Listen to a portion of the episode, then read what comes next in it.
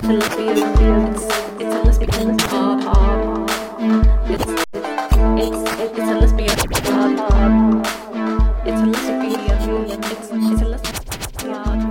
och välkomna till Lesbisk podd med mig Sofie.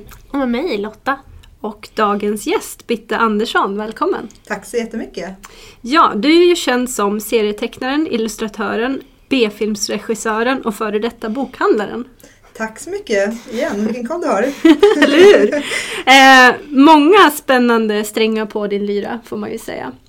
Ja, det är både för och nackdelar med att ha många strängar på lyran, men det har varit spännande. Mm. Eh, som vanligt får väl jag inta rollen av den som vet minst. Eh, jag har ju läst på lite grann, jag vet att du är eh, ja, men som sagt känd bland annat för eh, en specifik film. Die hard! Exakt. På tre. Nej, Ja, exakt. Eh, ja, men jag tänker att vi börjar i den änden helt enkelt. Att du får berätta lite grann mer om eh, vem du är och vad du har gjort. Mm. Så att vi får lära känna dig. Ja, eh, jag heter Bitte och jag är uppväxt i Stjärnhov som är en liten by 10 mil söder om Stockholm med 1000 invånare ungefär. Eh, och jag eh, har gått, ja, vad ska man säga, alltså jag flyttade till Stockholm och gick gymnasiet här och sen har jag gått på Konstfack, eh, kandidatprogrammet i fri konst och sen ett masterprogram i eh, storytelling hette det. Och eh, Die Hard, alltså långfilmen Die Hard var mitt examens, började som mitt examensprojekt på masterprogrammet på Konstfack. Okej. Mm. Men det måste ta ganska lång tid att göra en sån film eller? Ja, det var bara själva filmtrailern var mitt examensprojekt. Ah, ja. Eh, sen gjorde jag färdigt filmen efter skolan. Mm. Men eh, mellan kandidat och masterprogrammet så eh, startade jag bokhandeln Hallongrottan som låg i Hornstull i Stockholm. Eh, och drev den i fyra år. Och sen sålde jag den vidare till eh, Alle Eriksson och Lotta Wildeval som tog över den 2010 och, gick till, och så gick jag tillbaka till Konstfack för att plugga mer. Okej, hade det, det var två varv på Konstfack liksom. Alltså när jag kom till Konstfack så tyckte jag att det var så jävla snobbigt. Okej. Och eh, hemskt. Alltså jag tyckte konstvärlden kändes så otroligt eh, icke-kommunikativ och introvert. Full av oskrivna regler, väldigt mycket så här klassförakt som eh, man inte hade någon som helst självinsikt i inom konstvärlden. Mhm. Men jättemycket idéer om liksom god smak och sånt där som jag inte alls kände att jag passade in i. Så jag bara "Ah, jag hatar det här, fuck off, jag är too cool for art school, blä! Och så typ eh, slutade jag och började Hallongrottan. Som var tänkt då som ett mycket mer eh, kommunikativt projekt där man liksom eh, ja, en del av samhället mycket mer än vad liksom, konst eh, brukar vara i gallerisammanhang. Eh, Ber, berätta lite mer om, om Hallongrottan för de som inte vet vad det är, som inte har varit där. Det är ju Ja. en bokhandel, men vilken inriktning hade den? Feminism och hbtq-frågor kan man säga. Just det. Eller egentligen inte bara hbtq utan IA, alltså hela regnbågsspektrat kan man säga.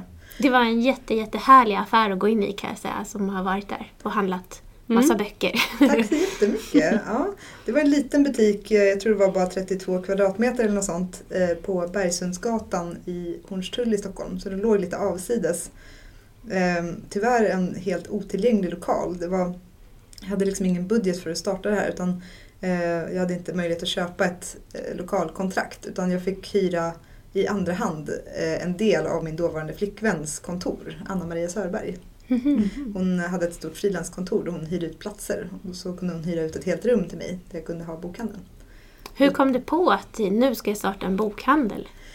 Eh, Vi var faktiskt tre kompisar. Eh, Jag och eh, Wilhelmina Alvert och Sabina Gillsund. Vi tre pratade mycket om att det inte fanns en sån plats i Stockholm då. Mm. Det har ju funnits det tidigare. En som hette Medusa och en tidigare, alltså jag tror det har funnits två lesbiska bokhandlar i Stockholm förut. Okej. Mm. Eh, Det är också så ett typiskt tecken på hur dålig kommunikationen är mellan generationer i Sverige. Alltså Sverige är väldigt ålderssegregerat. Så det känns som att varje ny generation feminister eller hbtq-aktivister liksom får uppfinna hjulet på nytt på något sätt. Okej. Eh, Borde inte det här bli enklare i alla fall nu tänker jag, när vi lever lite mer i en digital era? Alltså eh, att spåren finns kvar på ett annat sätt. Jo, man kan ju hoppas det. Jag Men- tänker vi var inne på det förra avsnittet med Sara Lövenstam där och hennes blogg. Nu hade hon raderat den tyvärr. Ah, Men det som hon började med i alla fall. Det hade ju kunnat varit ett bra spår. Att man fortfarande kunde blicka tillbaka på den och sett hennes betraktelser från hennes ungdom som det var. Ja. ja, det är en bra idé. Samtidigt så tycker jag att eh, Hallongrottan är ganska okänt för många nu. Det är ju ändå stängde 2012 så det är inte så många år sedan. Eh, Och Die Hard, filmen Die Hard hade premiär 2015 på bio. Men den är redan nu lite så här att ungdomarna bara förr i tiden det fanns en jättekonstig film som hette bara, wow, det går snabbt. Den liksom. har redan gått till historien. Det är så Ja, du får se det. Ja. ja, det är jättekul. Ja. Ja, men jag kommer ihåg, jag har inte varit i själva butiken Hallongrottan. Däremot så vet jag att jag såg eh, namnet och det var någon form av utställning i samband med Pride på Kulturhuset. Mm, just det, vi hade en butik där. Vi hade så pop-up butiker under Pride. Mm. I Pride Park och Pride House. Kan det vara det. Mm. Men Hallongrottan var delvis en bokhandel men det var ganska mycket också ett slags community center kan man säga. Att vi hade väldigt mycket eh, gratis kulturevenemang mellan ett och tre stycken i veckan. Så minst 200 under de fyra åren som jag jobbade där. Mm. Eh, och då var det ja, filmkvällar, bokcirklar, panelsamtal, föreläsningar, eh, handarbete med högläsning, Mm. sådana där saker. Eh, och en idé med det var att eh, vara ett komplement till eh, nattlivet kan man säga. Alltså det känns som att hbtq-sammanhang väldigt ofta är med alkohol och hög musik och riktat till en yngre publik. Mm. Mm. Och att vi ville skapa något sammanhang där man inte behövde älska och festa typ. Eller alltså där man skulle kunna befinna sig i lite fler, alltså vara bekväm i flera olika åldrar och med ja, Mm. större bredd av folk skulle kunna känna sig bekväma där, hoppades vi. Eh, Så de här kulturevenemangen var väldigt mycket i samarbete med olika eh, ideella föreningar så att jag försökte söka upp allt inom det spektrumet och fråga om de ville använda lokalen till sina egna events och så. Mm. Men det, och det blev väl väldigt lyckat, eller? Ja, alltså det var många saker med det var lyckat. Och sen var det vissa saker som inte var så lyckat också. Jag har lite dragning till att prata om saker som, det som inte var så lyckat. Men det var absolut liksom, eh, jag har anekdoter för en livstid framåt och det var jättemycket, det, det blev mycket så här communitykänsla omkring det. Men sen är det saker som jag har förstått efteråt. Eh, liksom, till exempel var det helt otillgänglig lokal eh, i fråga om, alltså man kunde inte ta sig in med rullstol till exempel. Eh, Mm. Och eh, själva adressen låg i en väldigt lutande backe.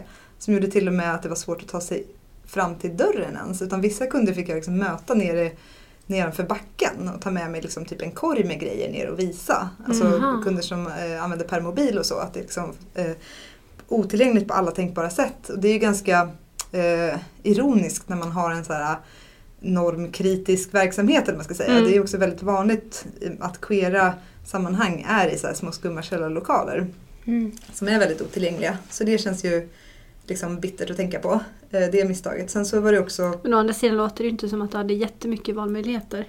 Alltså som du nämnde, det Nej. fanns inte jättemycket kanske pengar att köpa ett lokalkontakt som du var inne på utan ja, ja, snarare fick ta det som Och fanns. väldigt, väldigt fint att du sprang ut med korg. Ja, verkligen. Jättegulligt. Jo, men man skulle ju också kunna liksom föra en kamp för att RFSL skulle ha den här typen av verksamhet som de har haft med Mm. Rosa rummet. Just det, det var det. Rosa rummet är också en bokhandel som har funnits. Mm. RFSLs, har ni varit i den? Nej, känner jag inte igen. Det är jättehäftigt. Alltså RFSL hade ju... Men det var i Stockholm också eller? Ja, precis. Mm. På Sveavägen. I RFSL-huset så har ju de haft både bokhandel och eh, nattklubb och typ Var det café, Tip tror Top? jag. Nej. Ja, Ja, precis. okej. Eh, och eh, då, blir, då blev det ju mer som att huset hade liksom en öppning längst ner. Istället för som nu att det är ganska svårt att ta sig in där om man Mm. inte liksom har Men de har flyttat nu va? Eh, delvis. Jag tror att en del av verksamheten är kvar och en del ska flytta till Mm. vad heter det nu? Danvikstull tror jag. Jag såg att de sålde ut sitt bibliotek också. Mm, precis. Mm. Det var ju inte heller så bra höll jag på att säga. Nej, Med tanke på, eller om man ville bevara det som har funnits så. så. Precis. Men, Okej, men eh, du finns inte kvar längre i alla fall utan du sålde verksamheten vidare? Mm, jag sålde den 2010 och tyvärr så gick, gick den i konkurs 2012. Eh, Och det är en annan sak som har varit ett stort misstag med det här, att det är liksom ingen lukrativ idé. Alltså, alltså bokhandlar har det väl väldigt svårt Ja. just nu överhuvudtaget. exakt, de har det svårt överhuvudtaget och den här in, inriktningen är liksom verkligen inte Ännu någon smalare. extremt smal. Ja, precis. Eh, så... eh, Jag tänker när vi ändå är inne på ämnet. Mm. Är det andra tips som vi ändå kan skicka med? Om inte nu Hallongrottan finns kvar, men finns det andra liknande plattformar som vi ändå kan flika in?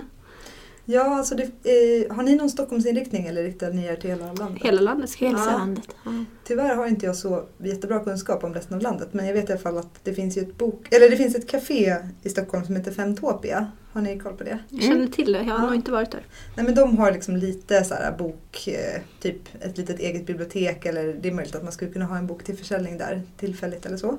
Eh, sen, fan alltså jag har, när jag hade Hallongrottan så hade jag liksom koll på alla liknande verksamheter i hela Sverige. För att jag åkte runt mycket till regnbågsfestivaler och så i olika städer. Mm. eh, och träffade liksom kollegor eller man ska säga. Men det är ju några år sedan så nu har många av de ställena lagt ner. Tyvärr så är många sådana här ganska temporära. Mm. Och därför känner jag att det är jätteviktigt att eh, RFSL liksom förstår vidden av att ha en sån här fysisk mötesplats som, som är öppen dagligen, eller i alla fall väldigt ofta och regelbundet. Mm. Eh, och som är väldigt tillgänglig för folk utanför communityn. För att Hallongrottan hade också ett, förutom det här att vara en social mötesplats och vara en butik så fungerade det jättemycket som en reception. Både för feministiska rörelsen och för hbtq-världen. Så det var jättemycket folk som var så här inte hade kommit ut än eller så här, hade mycket funderingar och kom Mm. dit och liksom sökte information och så här, letade citattecken saker åt en kompis eller så. Mm. Sen var det också många som letade saker åt en kompis. Det var mycket föräldrar till eh, liksom, regnbågsbarn om man ska Mm. säga. Det var mycket lärare som ville vidare, alltså vad heter det, fortbilda sig själva. Mm. Och politiker, journalister, uppsatsskrivande, universitetsstudenter, eh, far och morföräldrar, typ alla möjliga folk som bara eh, desperat vill ha information om sådana här frågor. Mm. Och det är därför också som det inte blir så lukrativt för att väldigt mycket tid gick åt till att ge väldigt mycket eh, stöd till Mm. folk på olika sätt. Som man Typ inte service och vägledning. Och... Ja exakt. Mm. Och bara jättemycket turister som ville veta vad som händer i Stockholm. Mm. Alltså regnbågsturister. Mm. Eller nyinflyttade i stan. Ehm, Alltså jag har fortfarande gamla kunder som ringer. Det är en som inte har internet som brukar ringa mig och bara Ja tjena! Vad händer i helgen? Vad är, vad är det för lesbiskt som händer i helgen? Kan du kolla upp det och ringa tillbaka? Och så, så att jag, ja, Det är generell hbtq. Service, Guide. ja. Nej, men jag har liksom så här Bajens hejaklack, eller vad säger jag, Bajen, ja hejaklacken, Ja. Bajen, de ringde mig och bara ja tjena, det här är Balsam från Bajens hejaklack. Han kallades för Balsam. Såklart. Ja, vi tänkte att vi skulle gå i Pride-paraden. Eh, Vi är alla bröder på Söder liksom, bög eller inte bög. Så vi tänkte gå med. Jag bara, ja, vad roligt. Han bara, ja så hur ska vi gå vidare härifrån? Typ. Jag bara, jag, har- jag har inget mer att göra. Men så blir det så här att man måste, alltså min eh, inkorg i mejlen var liksom ständigt översvämmad av eh, folk som bara ville att jag skulle förmedla kontakt till rätt ställe. Och så. Mm. Så det önskar jag att, alltså RFSL bedriver ju jätte, jätteviktig verksamhet som det är och jag beundrar dem och jag har liksom dem att tacka för väldigt mycket i mitt liv. Men den här eh, typen av service skulle också vara jättebra Mm. om de kunde Mm. hålla på med. får skicka med en sån uppmuntran till Ja. dem. Ja. Och just Bokcafé är liksom en så himla sympatisk, lättillgängligt format alltså, Mm. för det. Du sa ju att du har hur många anekdoter som helst. Om Ja. du skulle välja, vad är bland det roligaste du har varit med om där under bokhandlartiden? Alltså ett speciellt moment var väl när vi invig källaren. För vi, efter ett år så öppnade vi en till våning på undervåningen. Och då var SLM där, Scandinavian Leather Men. Deras styrelse var där i full lädermundering och för att klippa sidenbandet. Och bredvid dem stod Anarka-feministkören och sjöng en låt om kastrering. Och det här hände samtidigt och jag kände såhär bara Woo! För att en idé med Hallongrottan var också att vara som ett vattenhål i djungeln där alla djuren kan samlas och dricka vatten utan att slåss med varandra. Mm. Eh, och att jag ville liksom att olika typer av feminism skulle kunna mötas där och debattera där utan att det skulle behöva bli som med Tina Rosenberg och vad heter hon? Eh, Ebba Witt-Brattström. Jaha, De mm. hade som en jätteblodig beef i massmedia. Och det var ju som en slags, eh, det var liksom som underhållning för hela Sverige att titta på deras girlfight typ. Mm. Eh, och det är ju ganska vanligt inom feminism att det blir så här um, feministiska bråk är liksom ett mediespektakel. Men jag ville gärna att det här skulle vara en plats där man kunde ha konflikter utan att det behövde bli ett mediespektakel. Eh, och samma sak med hbtq-rörelsen, att jag kände att eh, det var väldigt separerat, liksom, olika världar så här, som egentligen har en gemensam fiende. Eller i alla fall har många gemensamma intressen och Mm. borde kunna vara mer solidarisk med varandra. Mer som enar än separerar i alla fall. Ja, Mm. precis. Sen är det klart att man kanske inte skulle välja att umgås privat alltid med alla. Men eh, jag, jag vill i alla fall vara någon slags enande kraft så. Mm. Så det var väldigt kul och det var många andra som var med och uppträdde på den där kvällen som gjorde att det kändes så här, som en bred, eh, ja det kändes brett. Men just det, var det jag skulle säga förut att eh, Hallongrottan lyckades vara brett på vissa sätt men det var fortfarande så väldigt vitt faktiskt. Eh, det låg ju på i Hornstull i Stockholm på Södermalm som är en så supervit stadsdel och väldigt så här mitt under galopperande gentrifiering kan man säga. Och jag tror säkert att Hallongrottan bidrog till gentrifieringen också. Därför att, alltså bidrog till att höja markvärdet.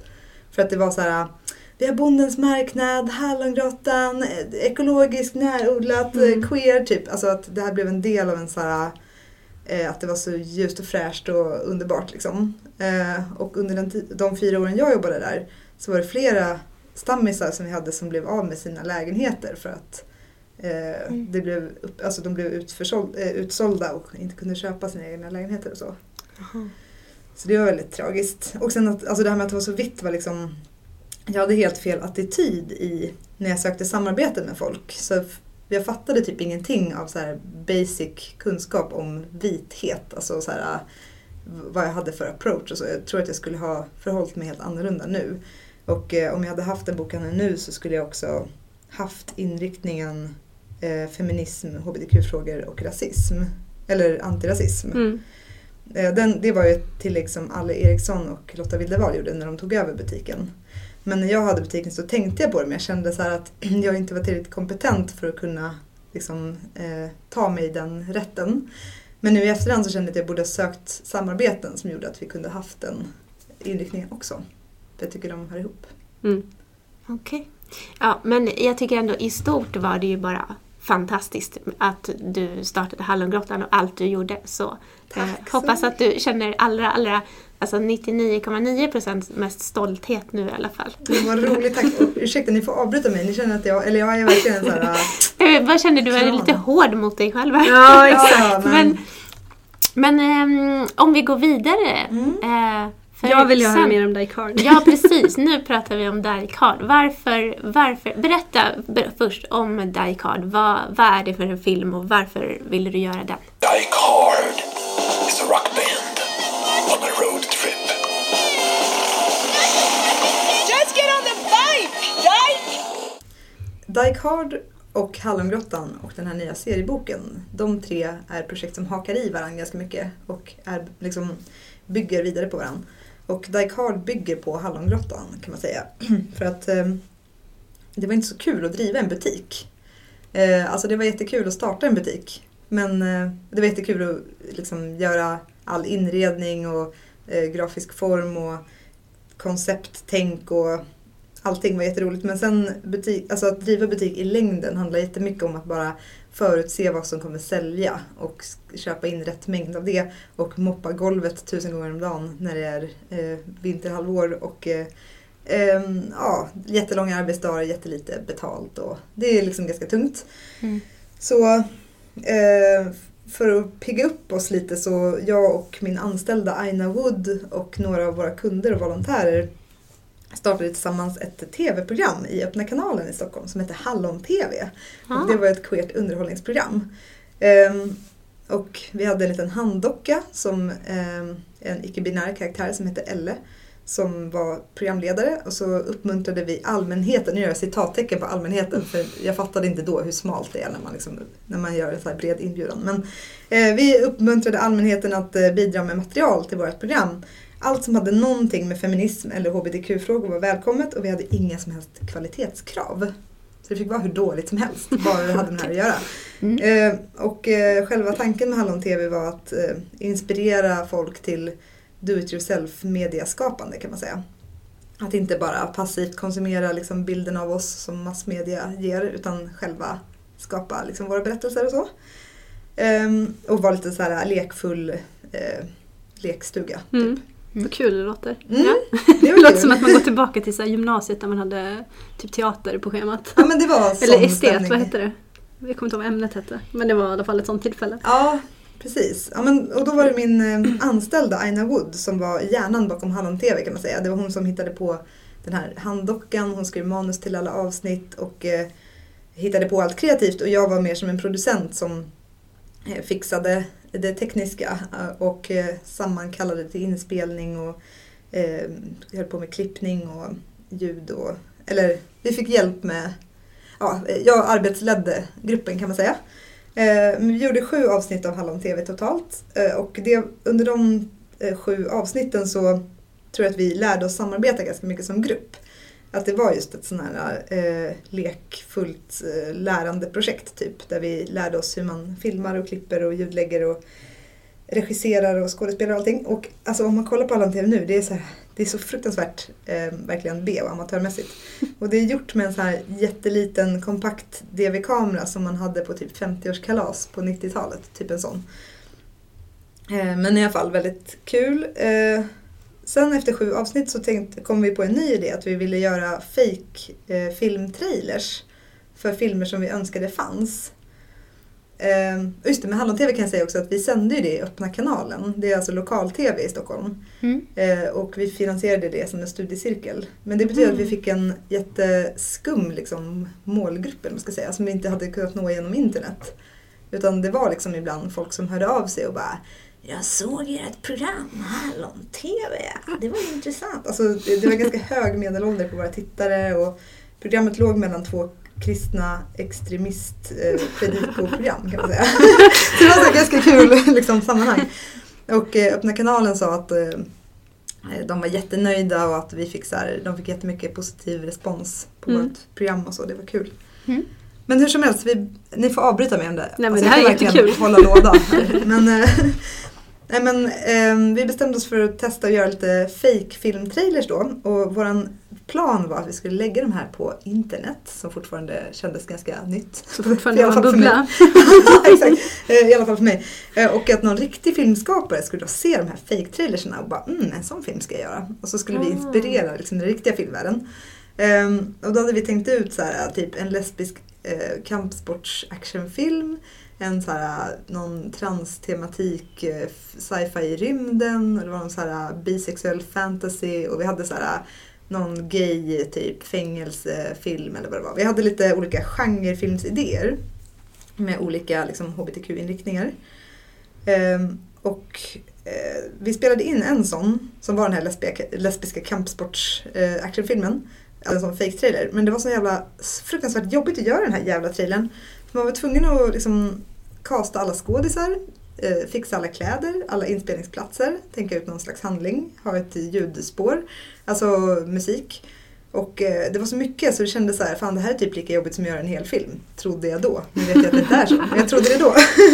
så efter att ha gjort en sån så bestämde vi oss istället, just det, jag minns, spiken i kistan var att jag hade suttit upp en hel natt och sytt en sån här sidenbadrock som boxare har. För det här handlar Mm. om en thaiboxare. Det tog så hela natten. Och i fake-trailern så fladdrade den förbi så en bråkdel av en sekund bara. Alltså jag får bara flika in, men jag tänker på full patte nu när man ser lite bakom kulisserna när de sitter och Mm. cyklar.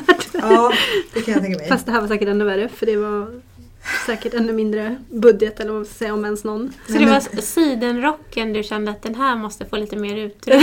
Exakt. Om man har lagt de där timmarna. Den förtjänar lite mer screen time. Så jag tänkte så här, vi tar alla de här fake trailer-idéerna och klistrar ihop dem till ett långfilmsmanus. Så kanske varje motsvarande sidenbadrock kan få vara med i typ tre sekunder istället för liksom en tjugondel sekund. Det skulle vara jättehärligt. Mm. Ehm, så vi gjorde så. Därför kan man säga att Die Hard är som en slags genrefilms eh, collage eller liksom genrefilmspotpurri. Eh, som tröskar igenom så här, ah, fantasy, sci-fi, mo- motorcykelfilm, fängelsefilm, kampsportsfilm, musikal, typ allt möjligt skit finns med i den filmen. Eh, och eh, anledningen till att vi överhuvudtaget ville börja hålla på med långfilm, alltså oavsett fake trailer eller riktig, var att vi själva tittade väldigt mycket på långfilm.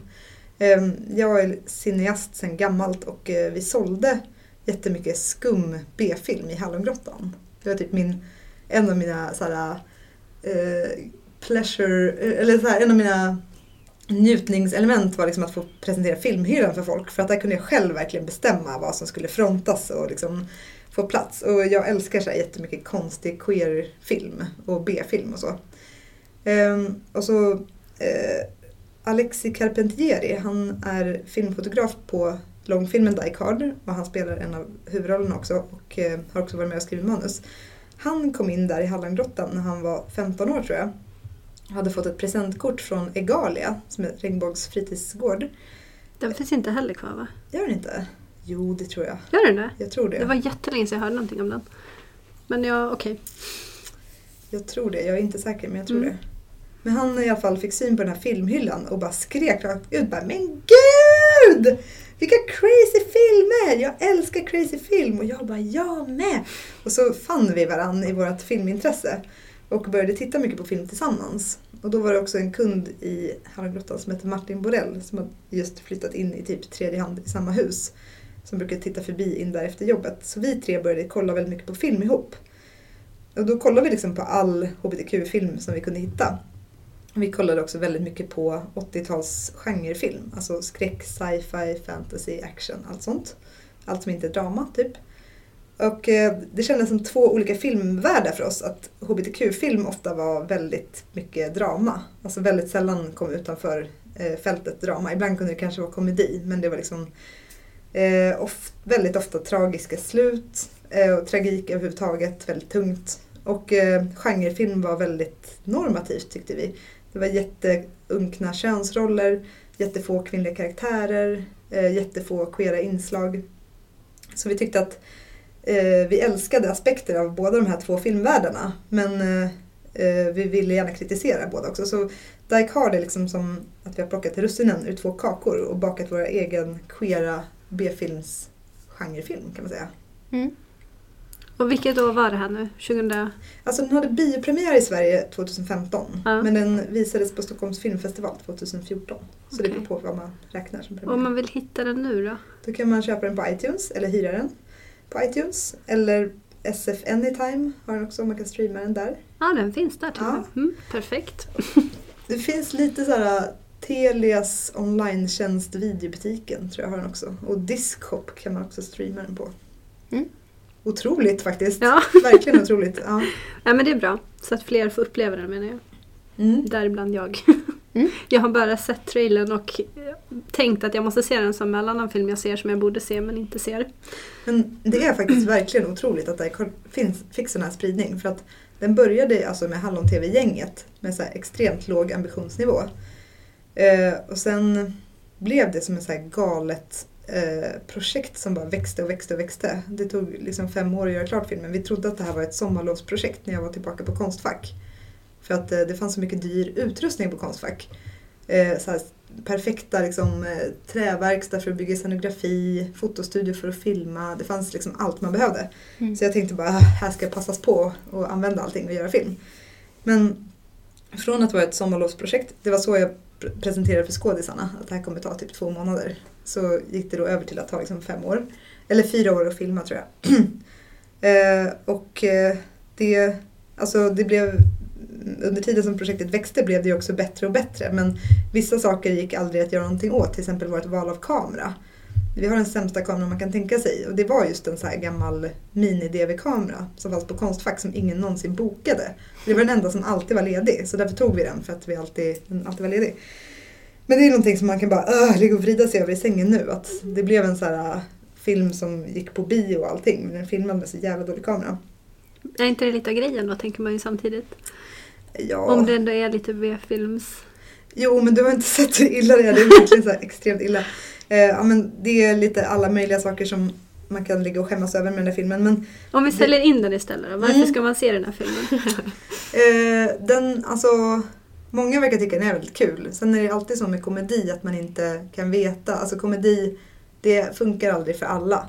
Eh, till exempel Die Card är inspelad på engelska därför att eh, jag har jobbat innan på ett B-filmsbolag i USA eh, och, som har DVD-distribution och de sa att de skulle distribuera vår film om den var på engelska för de sa att deras tittare inte kan läsa undertexter. I själva verket inte alls kan läsa. Men jag vet inte. Alltså, det här, alltså, vi pratar om amerikanska B-filmsmarknaden. Det är möjligt att det är sant, jag vet inte.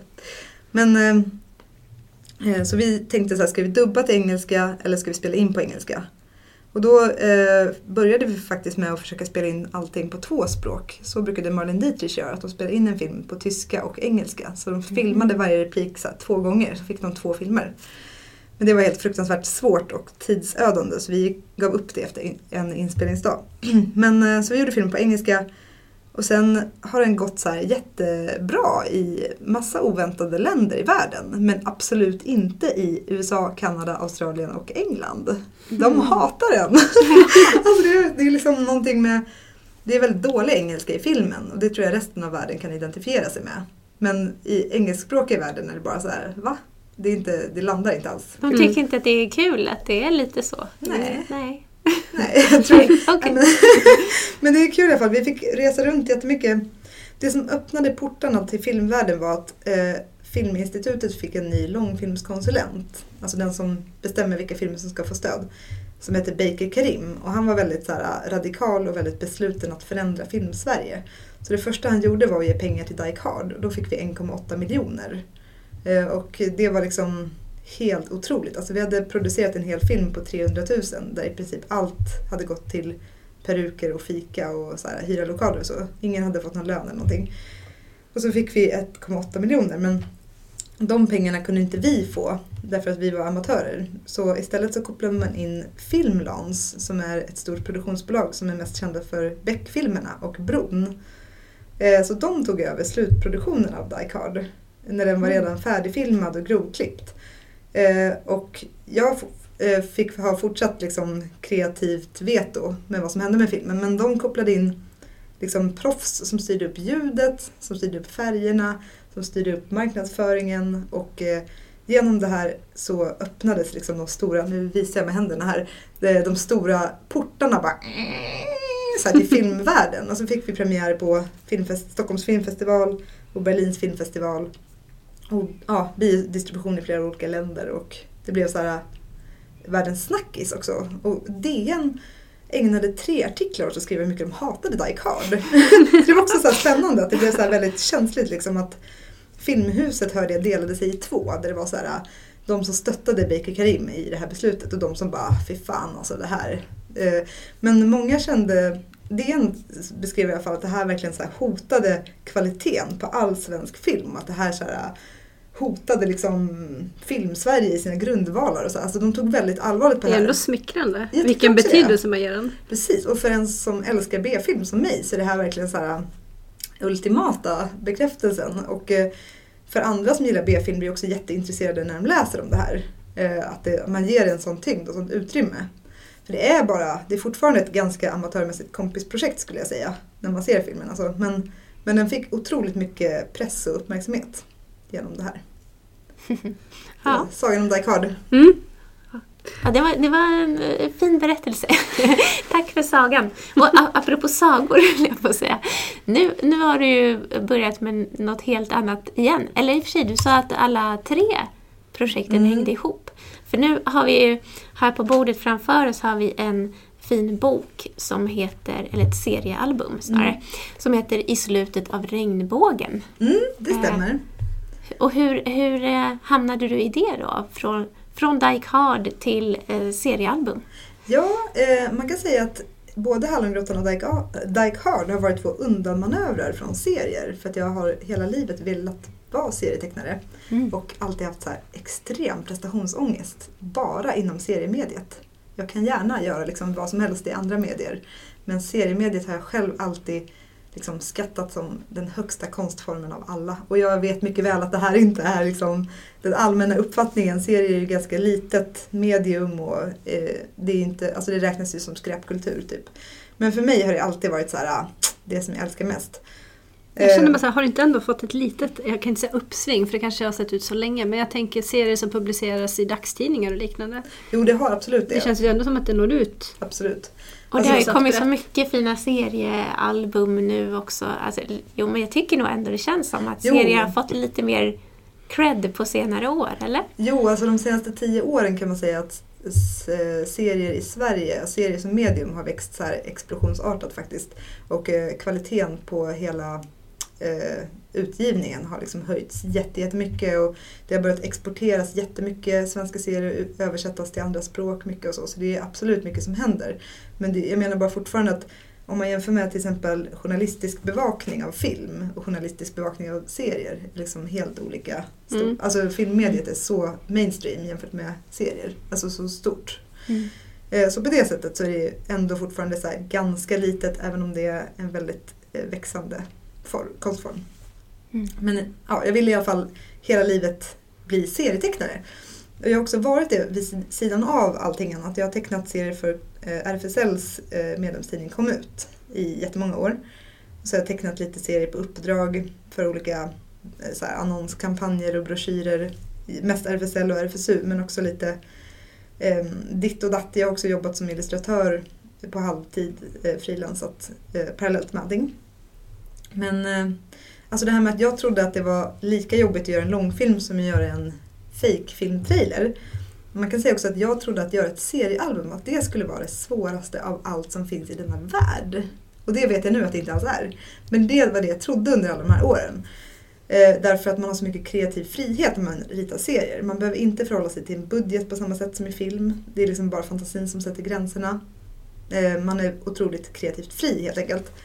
Eh, så därför kändes det så här helt omöjligt när man har prestationsångest. Men nu vet jag att serier är så jävla soft alltså jämfört med att göra film. Det är så man bara sitter på sin lilla rumpa med sin tekopp och bara åh, lyssnar på typ vetenskapsradio i mitt fall. Sitter och ritar. Um, så det är ett underbart, serie, äh, underbart medium att jobba i, tycker jag. Uh, och alltså jag, jag bara verkligen babblar och babblar. Men ni kanske, Men du är här för att vi vill prata med dig. Så det är bra. men vill ni höra om eh, idén till boken? Ja? Jättegärna. Ja. Eh, för att filmen Die Hard, jag visade den filmtrailern på Golden Ladies som är RFSLs seniorförening på, eh, ja, för lesbiska, eller ja, kvinnor som gillar kvinnor. Eh, och då var det någon där som kommenterade så här, jaha men det här är ju det som vi har kämpat emot i alla tider. Och jag bara, va? Vad menar du? Och då berättade hon om liksom, stereotypa bilden av lesbiska på till exempel 50-talet. Det var väldigt mycket så här, lesbiska är så här våldsamma, gränslösa, desperata sexgalningar som kör motorcykel med stor ox, oxpiska i handen, halvt avklädda, helt vilda liksom. Och så är de ganska mycket i min film, Die Hard. Mhm. Eh, Men på 50-talet var det liksom lesbian pulp om ni vet, sån här kiosklitteratur. Där var det väldigt mycket den här skandalösa lesbianen som var med, som alltid dog på slutet. Mm. Eh, så, ja, men så jag tänkte så här, åh vad sorgligt att jag har råkat eh, göra precis det som de har alltid förhållit sig emot. Eh, så jag blev så ganska inspirerad att göra någonting som skulle rikta sig till lesbiska seniorer då. Eller i alla fall tilltala den gruppen. Och eh, liksom hbtq-seniorer överlag.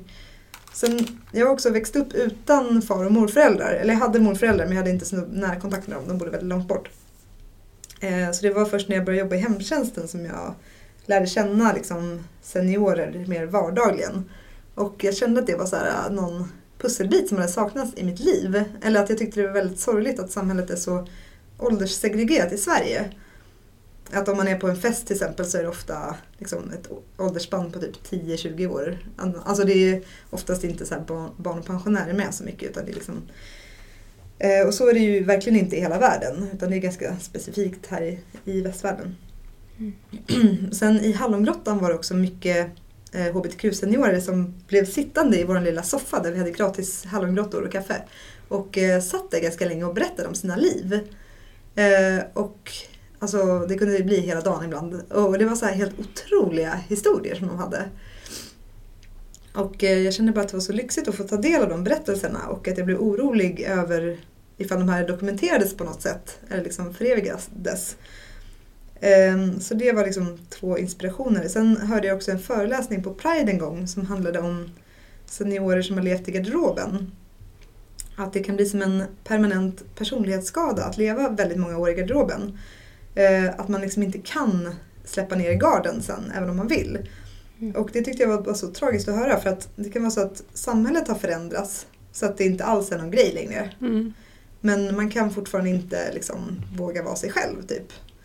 Eh, och det liksom, ja, jag, jag bara kände så här att det var en så tragisk insikt att liksom det spelar ingen roll om eh, hela samhället har förändrats omkring en. Liksom, att man bara ska vara kvar i sin ensamhet ändå. Man Så- är så invand i det liksom på något sätt. Ja, precis. Att man är van vid att undvika alla personliga samtalsämnen. Liksom aldrig avslöja någonting om sig själv för det kan leda till liksom, vidare och vidare frågor och att man liksom eh, ja, bara är så här allmänt avvisande tillbakadragen mot alla på jobbet eller i olika sammanhang. Det är väldigt synd.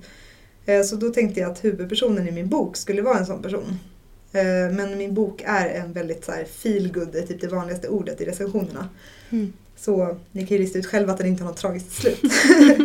Men eh, jag ville utgå i alla fall från en sån här garderobsperson som hela världen fattar att hon är lesbisk men hon kan absolut inte vara öppen med det själv. Just det. För om man ska säga lite vad den handlar om. Mm. Eh, din huvudperson här, Marja, hon Mm. flyttar ju in på ett hem. Mm. Hon är 76 år. Mm. Ja. Ehm, och hon, eh, eller vi som eh, läsare får ju också träffa på de här olika personerna hon, hon träffar på på hemmet. Ja. Och så får vi eh, veta lite mer om dem också Mm. i tillbakablickar. Mm. Det är lite, man kan säga det är lite Orange is the new black på, på ålderdomshemmet egentligen. Mm. Det kan man säga. Ja. Är det, och de här personerna som, som vi träffar, är det eh, Eh, de du har blivit inspirerade av då? På, som kom på Hallongrottan och satt i soffan? Är det de vi träffar? Eh, nej, man kan faktiskt säga att eh, eller det, det här med de som satt i soffan på Hallongrottan, jag hade ju liksom inte deras medgivande att använda någonting som de sa. Därför att det var ju inte en intervjusituation. Utan den här idén till serieboken kom ju senare. Så därför har jag raggat upp 13 stycken seniorer som jag har intervjuat specifikt för den här boken. Som har vetat om att det är en inspirationsintervju. Men premisserna har varit att jag har lovat att ingenting ska gå att härleda till dem personligen. Så eh, många händelser i boken har hänt på riktigt men karaktärerna som upplever dem är påhittade karaktärer. Så kan man säga. Mm. Och det är en fiktiv ramhandling. Det utspelar sig ju på ett HBTQ seniorboende. Och det finns ett riktigt sånt nu som heter Regnbågen eh, vid Gärdet i Stockholm. Eh, som öppnade efter att jag fick stöd från, kultur, eller från konstnärsnämnden. Jag hade sökt pengar för en bok som skulle heta Regnbågen som handlar om ett HBTQ seniorboende. Sen öppnade ett sånt riktigt som hette Regnbågen. Jag bara oh my god. Har du varit Men- där? Ja, jag har varit där. En Ja. av mina informanter bor där. Har du När öppnade det? Jag minns inte riktigt. Är det liksom några år sedan bara? Eller? Ja, kanske fem år sedan. Ja, för jag tycker det är så roligt för många utav mina vänner kommer ofta in på den här drömmen om att det ska finnas, när vi blir gamla liksom, att Mm. det ska finnas ett äldreboende just med Ja, någon form av typ hbtq-inriktning eller vad man ska kalla det. ja, Så det är jättekul om det faktiskt börjar komma sådana ja. initiativ. Ja men precis. Ja, men det tror jag är jättebra. Sen var det någon där som var lite besviken på att han hade förväntat sig någon så här väldigt utopisk, paradisisk communitykänsla. Eh, Men han bara, det är bara en massa moderatbögar här, jag har ingenting gemensamt med dem. Bara, eh, eh, alltså, Mer mångfald alltså efterfrågas. Ja, eller liksom, det blir väl lätt att det är liksom en kompiskrets som det utgår ifrån kanske. Mm. Eh, och så kanske, alltså HBTQ, är, alltså är, man har inte alltid jättemycket gemensamt. Det är jättebrett liksom. Det är väl 10% av befolkningen, typ. Mm. Roughish. Så, eh, men eh, absolut. Det verkar väldigt jobbigt att inte bo på ett HBTQ seniorboende. Därför att då måste man kanske komma ut så här 17 gånger om dagen. Eh, För alla senila har glömt att man kommer ut en timme tidigare. Liksom. Ja, eller för att hemtjänsten har så en enorm omsättning på folk som Ja. kommer hem till den hela tiden. Om alla ska hålla på och fråga om ens man eller alltså, Mm. eh, eller också skiter man i att komma ut och bli behandlad som straight och så Ja. kanske man sitter där och svarar undvikande fast man har sen kanske ännu vanligare, misstänker jag bara, mot den gruppen. Alltså just att man tar ännu mer för givet att äldre, tänker jag, ska Exakt, vara det ju liksom, ja, straighta. Mm. Eller inom normen. Vilket är helt... Alltså, det, varför skulle det vara så? Ja, det är absurt men Ja. så är det absolut. Men då får vi hoppas att det utvecklas nu då så det blir lite, lite smalare kanske. Så här, eh, det här är ett hem för gamerflator till exempel. Precis! Då har vi kommit långt Ja. om vi ser de nischerna. Exakt, det bara lyser ur källarvåningen. Ja, men jag tror att om det skulle finnas flera sådana boenden så skulle det antagligen utkristallisera sig någon typ av inriktning på dem. Mm. Kan man ju tänka sig. Mm. Eh, Det var några lesbiska som har kämpat i jättemånga år för ett lesbiskt boende. Som de hade som projektnamn Rosa Rynkan. så jävla kul! Alltså det är med i boken. Jag tyckte det var så jävla Ja, jag känner igen det här. Ja, nej men det tyvärr så de fick inget gehör alls för det. Men eh, det skulle ju vara jättekul tycker jag, ett lesbiskt seniorboende. Generellt så det- det är ändå ett patriarkat man är i. Alltså det är ganska stor risk att det blir liksom en grupp som dominerar de andra. Mm. Eh, Mm. Så därför är det bra om det finns många Jag tycker olika. spontant det hade låtit, eller det känns intressant med tanke på den här anarkafeministgruppen och SLM-gänget om de kunde mötas så småningom. Just det. Mm. Schysst Just det. plats. Ja, vi får se vad framtiden har att bjuda Mm. på. Verkligen. Va, och vad gör du i framtiden, Bytte? Eller vad gör du just nu? Har, har du några nya spännande projekt på gång? Alltså å ena sidan, gud det här med att rita ett seriealbum, det känns verkligen som att man bara drog ut en kork ur mig för att jag har, haft, jag har verkligen varit så jävla, hur ska man säga, haft ett paraply i röven i fråga om serier i så många år. Jag har känt mig kreativt förstoppad i seriefrågan. liksom. Eh, Men eh, det känns så helt underbart att bara wow, det här är mitt medium, det här är det som jag vill göra hela livet. Mm. Samtidigt så, min jävla krokiga bana med det ena eh, ekonomiska katastrofen efter den andra eh, har gjort att jag har noll pensionspengar och att intervjua seniorer har gjort att jag har liksom börjat tänka lite mer på sådana frågor. Eh, för att vissa var liksom fattiga och vissa var, hade mer pengar och det gör väldigt stor skillnad när man är jättegammal. Att till exempel inte ha råd att köpa en kopp kaffe på stan, ever. Typ. Det är ganska t- drygt alltså. Så jag har ju typ sammanlagt 68 kronor i pension eller någonting. Så det, eftersom jag har frilansat hela livet och levt på nudlar typ. Så eh, just nu jobbar jag som vikarierande lektor i illustration på Konstfack. Woho! Jag är jätteglad och tacksam.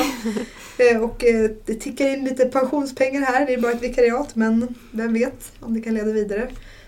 Eh, nej men så jag vill väl liksom börja tänka lite mer så här, långsiktigt hållbart för min egen ekonomi. Men jag skulle också jättegärna vilja rita fler seriealbum.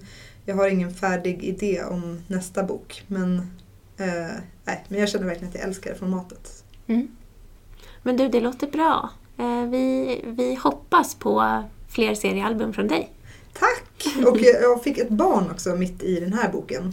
Eh, De tidigare projekten har, har liksom överlappat varandra. Att jag alltid har varit på väg in i nästa projekt när jag avslutar ett projekt. Ah, Men nu så kom, är det här barnet liksom som... det kommer vara ett ganska långt projekt Exakt, kan man det är säga. ju så här typ eh, 18-20 år minst. Så, um, det har också gjort att jag liksom lite stannat upp eh, kring det konstnärligt. Men, men väldigt sugen på mer framöver. kanske blir eh, lite inspiration från det hållet. Så att du Kanske börjar det. i andra änden av liksom, Mm. Det mänskliga åldersspannet till nästa bok. Faktiskt, alltså jag har alltid drömt om att teckna för Kamratposten och eh, olika så här barnkulturgrejer. Men jag har alltid blivit avvisad eftersom hela min portfolio bara är så här RFSL-saker. Så jag har bara så här sex bilder typ. eh, så det har varit väldigt svårt att få sådana gig. Men eh, ja, kanske att det här kan bli någon öppning. Nu har vi lärt känna skaparen, om vi får kalla det för det, Bitte Andersson. Alltså skaparen av en massa olika kreativa produkter. Allt från film till eh, album. Eh, men jag blev väldigt nyfiken på vem Bitte Andersson är, bortsett från den här delen. Alltså andra delen utav dig. Ja, eh, jag kan börja med att säga att jag är bisexuell. Lika bra att komma ut med det på en gång. För att eh, jag har haft väldigt stark lesbisk, hur ska man säga, lesbiskt fokus i alla mina projekt hela livet kan man säga. Och det gör att folk oftast utgår från att jag är lesbisk och kan bli väldigt besvikna när jag inte är det. Eh, Så ni som lyssnar på lesbisk podd här och har haft sådana förväntningar, jag ber om ursäkt. Men eh, ja, jag fall- Tycker du om dig Inte ändå? be om ursäkt för din läggning. jag fick Precis. faktiskt en, nu i helgen var jag i Malmö och eh, berättade om den här serieboken och då fick jag faktiskt en biflagga, så här, bisexualitetsflagga av en från RFSL. Som jag, jag fick också låna en cykel så jag cyklade genom Malmö med den här flaggan i handen och bara Woo! Alla ska se! Nej, jag kände väldigt kul. Jag har inte så många så här be-empowerment moments men det här var ett av dem i alla fall. Ehm, ja. Eh, nej men vad, att vara bisexuell, det kanske inte var det enda du frågade om. Du frågade Nej, vem jag är. ja precis. Jag tänker så här, har du andra hobbys, kanske fel ord för det här är ju mer än en hobby. Men andra intressen kanske vi kan säga istället. istället. Mm. Ja, jag har haft varit lite som en crazy cat lady fast med eh, krukväxter. Att jag har haft så här helt liksom, abnorma mängder krukväxter som man nästan inte kunde få plats i hemmet själv. Men eh, i och med att jag fick barn för ett och ett halvt år sedan så började barnet så här, riva ner dem. Så jag var tvungen att ge bort nästan allting. Så nu är det väldigt tomt på sånt tyvärr. Men, jag är uppväxt i en liten by med ungefär tusen invånare. Och eh, där var det inte så mycket så subkulturer och sånt. Eh, jag flyttade också fr- hemifrån när jag var väldigt ung, mellan åttan och nian. Eh, och sen flyttade jag till Stockholm och gick gymnasiet där. Och eh, lyckades inte få en enda kompis på tre år. Mm. Det var helt hemskt. Och jag hade varit en i coola gänget på högstadiet. Också hemskt. Men, så det var verkligen en chock och bara, men jag är ju cool! Vad är frågan om? Så här, inte få några kompisar alls. Men det var en ganska så här, humbling experience för mig. Säkert eh, lärorikt och bra. Eh, men jag gav i alla fall upp efter tre år i Stockholm och eh, flyttade till Nyköping där jag inte är uppväxt. På grund av att jag bodde i tredje hand i en lägenhet och blev vräkt med två dagars varsel för att förstahandskontraktinnehavaren fick reda på det här eller något sånt där. Mhm. Och så hade jag precis blivit ihop med en kille i Nyköping, apropå bi. Eh, så jag flyttade hem till honom då. Och eh, Nyköping var just då en så här, eh, verkligen kokade av subkultur. Det var väldigt mycket, alla spelade i band, alla som jag träffade i alla fall kändes som de spelade i minst två eller tre band. Och hade egna fanzines, om ni vet vad det är, alltså hemgjorda tidningar om olika saker. Och eh, egna skivbolag och det var musikfestivaler och svartklubbar och det bara wow! Liksom, jag hade inte sett något sånt i Stockholm och inte i den här byn jag var uppväxt i heller. Så jag blev så här helt, eh, Eh, hur ska man säga, hänförd av do it yourself-kulturen kan man säga. Och det har verkligen präglat mig hela mitt liv sen, den här inställningen till eh, världen. Att liksom, eh, man måste inte vara ett proffs för att få säga eller göra saker. Utan det är liksom någon, dem, någonting demokratiskt med att alla kan få uttrycka sin röst eller sin åsikt eller sitt perspektiv. Eh, och det har verkligen följt med mig sen. Men det var också väldigt grabbigt i Nyköping. Och den här, det var en punkscen kan man säga som jag eh, kom in i. Den var supergrabbig. Jag kände som att alla kvinnor hade typ flyttat därifrån för att plugga i typ London eller Stockholm eller Göteborg eller någonting. Och att det bara var en massa killar kvar typ. Som eh, fortfarande bodde hemma. Nej, men, jag vet inte, det, var, det kändes rätt hopplöst faktiskt med eh, den aspekten. Men min bästa kompis Mina som kom från samma by som, jag. Vi hade bott i Stockholm de här tre åren ihop. Eh, det kanske var därför också jag inte lyckades få några nya kompisar. Eh, men eh, hon flyttade också hem till någon kille i Nyköping. Alltså vi har levt så här väldigt parallella liv. Så vi satt där i Nyköping tillsammans och blev feminister. Eh, I den här macho-punkscenen så vaknade vår feministiska uppvaknande och vi startade ett eget punkband som hette Die Hard faktiskt. Som lite inspirerat i filmen också. Och eh, ett eget fanzine som heter Tigerskott i brallan som vi hade. Eh, och, ja, men det, och sen började vi plugga genusvetenskap och där fick jag lära mig att man inte måste vara liksom, lesbisk eller hetero. Man kan också vara bi och det är aldrig för sent att bli den man vill vara. Så det var väldigt experimentellt på genusvetenskapen på den tiden. Nu tror jag genusvetenskap är en ganska så konventionell utbildning som är meriterande i många yrken. Men när jag läste det, typ 2002 eller något sånt, jag minns inte vilket år det var. Då var det fortfarande en, en utbildning för extremister verkligen. Så det var bara så här massa aktivister i klassen. Och alla blev helt queer av att gå där. Alltså homosexuella, heterosexuella, alla bara, jag vet inte, släppte på sina regler och liksom blev ihop med varandra. Det var väldigt mycket så här experimenterande inom klassen. Eh, och eh, ja, där fick jag min första tjej och sen har jag mest haft, eh, sen hade jag liksom mest flickvänner ett tag sen men de senaste te- tio åren så har jag varit tillsammans med en man. Och eh, det har gjort att jag har blivit bara för varje år mer och mer fixerad vid lesbiskhet tror jag. Och det här kan vara så här svårt för andra att förstå ibland men det känns som att jag har en jättestark lesbisk libido som inte får något utlopp i mitt kärleksliv just nu men som istället får kreativa utlopp. Så det skulle kanske kunna förklara lite med Dyke Hard och i slutet av regnbågen. Att all den här lesbiska libidon bara push, tog ett kreativt utlopp. Bra för oss då. Ja, verkligen. Bra för Vi får tacka din man för det här. Tack! Mm. Det låter bra. Vi, eh, vi önskar dig allt gott såklart eh, för Verkligen. framtiden. Tack så Ja. jättemycket för att ni bjöd in mig och tack alla tålmodiga lyssnare. Det, var, det har varit jättespännande att, att lyssna på allt du har varit med om. Verkligen. Tack så jättemycket för att du kom hit. Tack och själv. vi kommer tillbaka Ja. snart eh, på en eh, poddspelare nära dig. Exakt. Ha det bra så länge. Hej då! is a lesbian pod. This is a lesbian.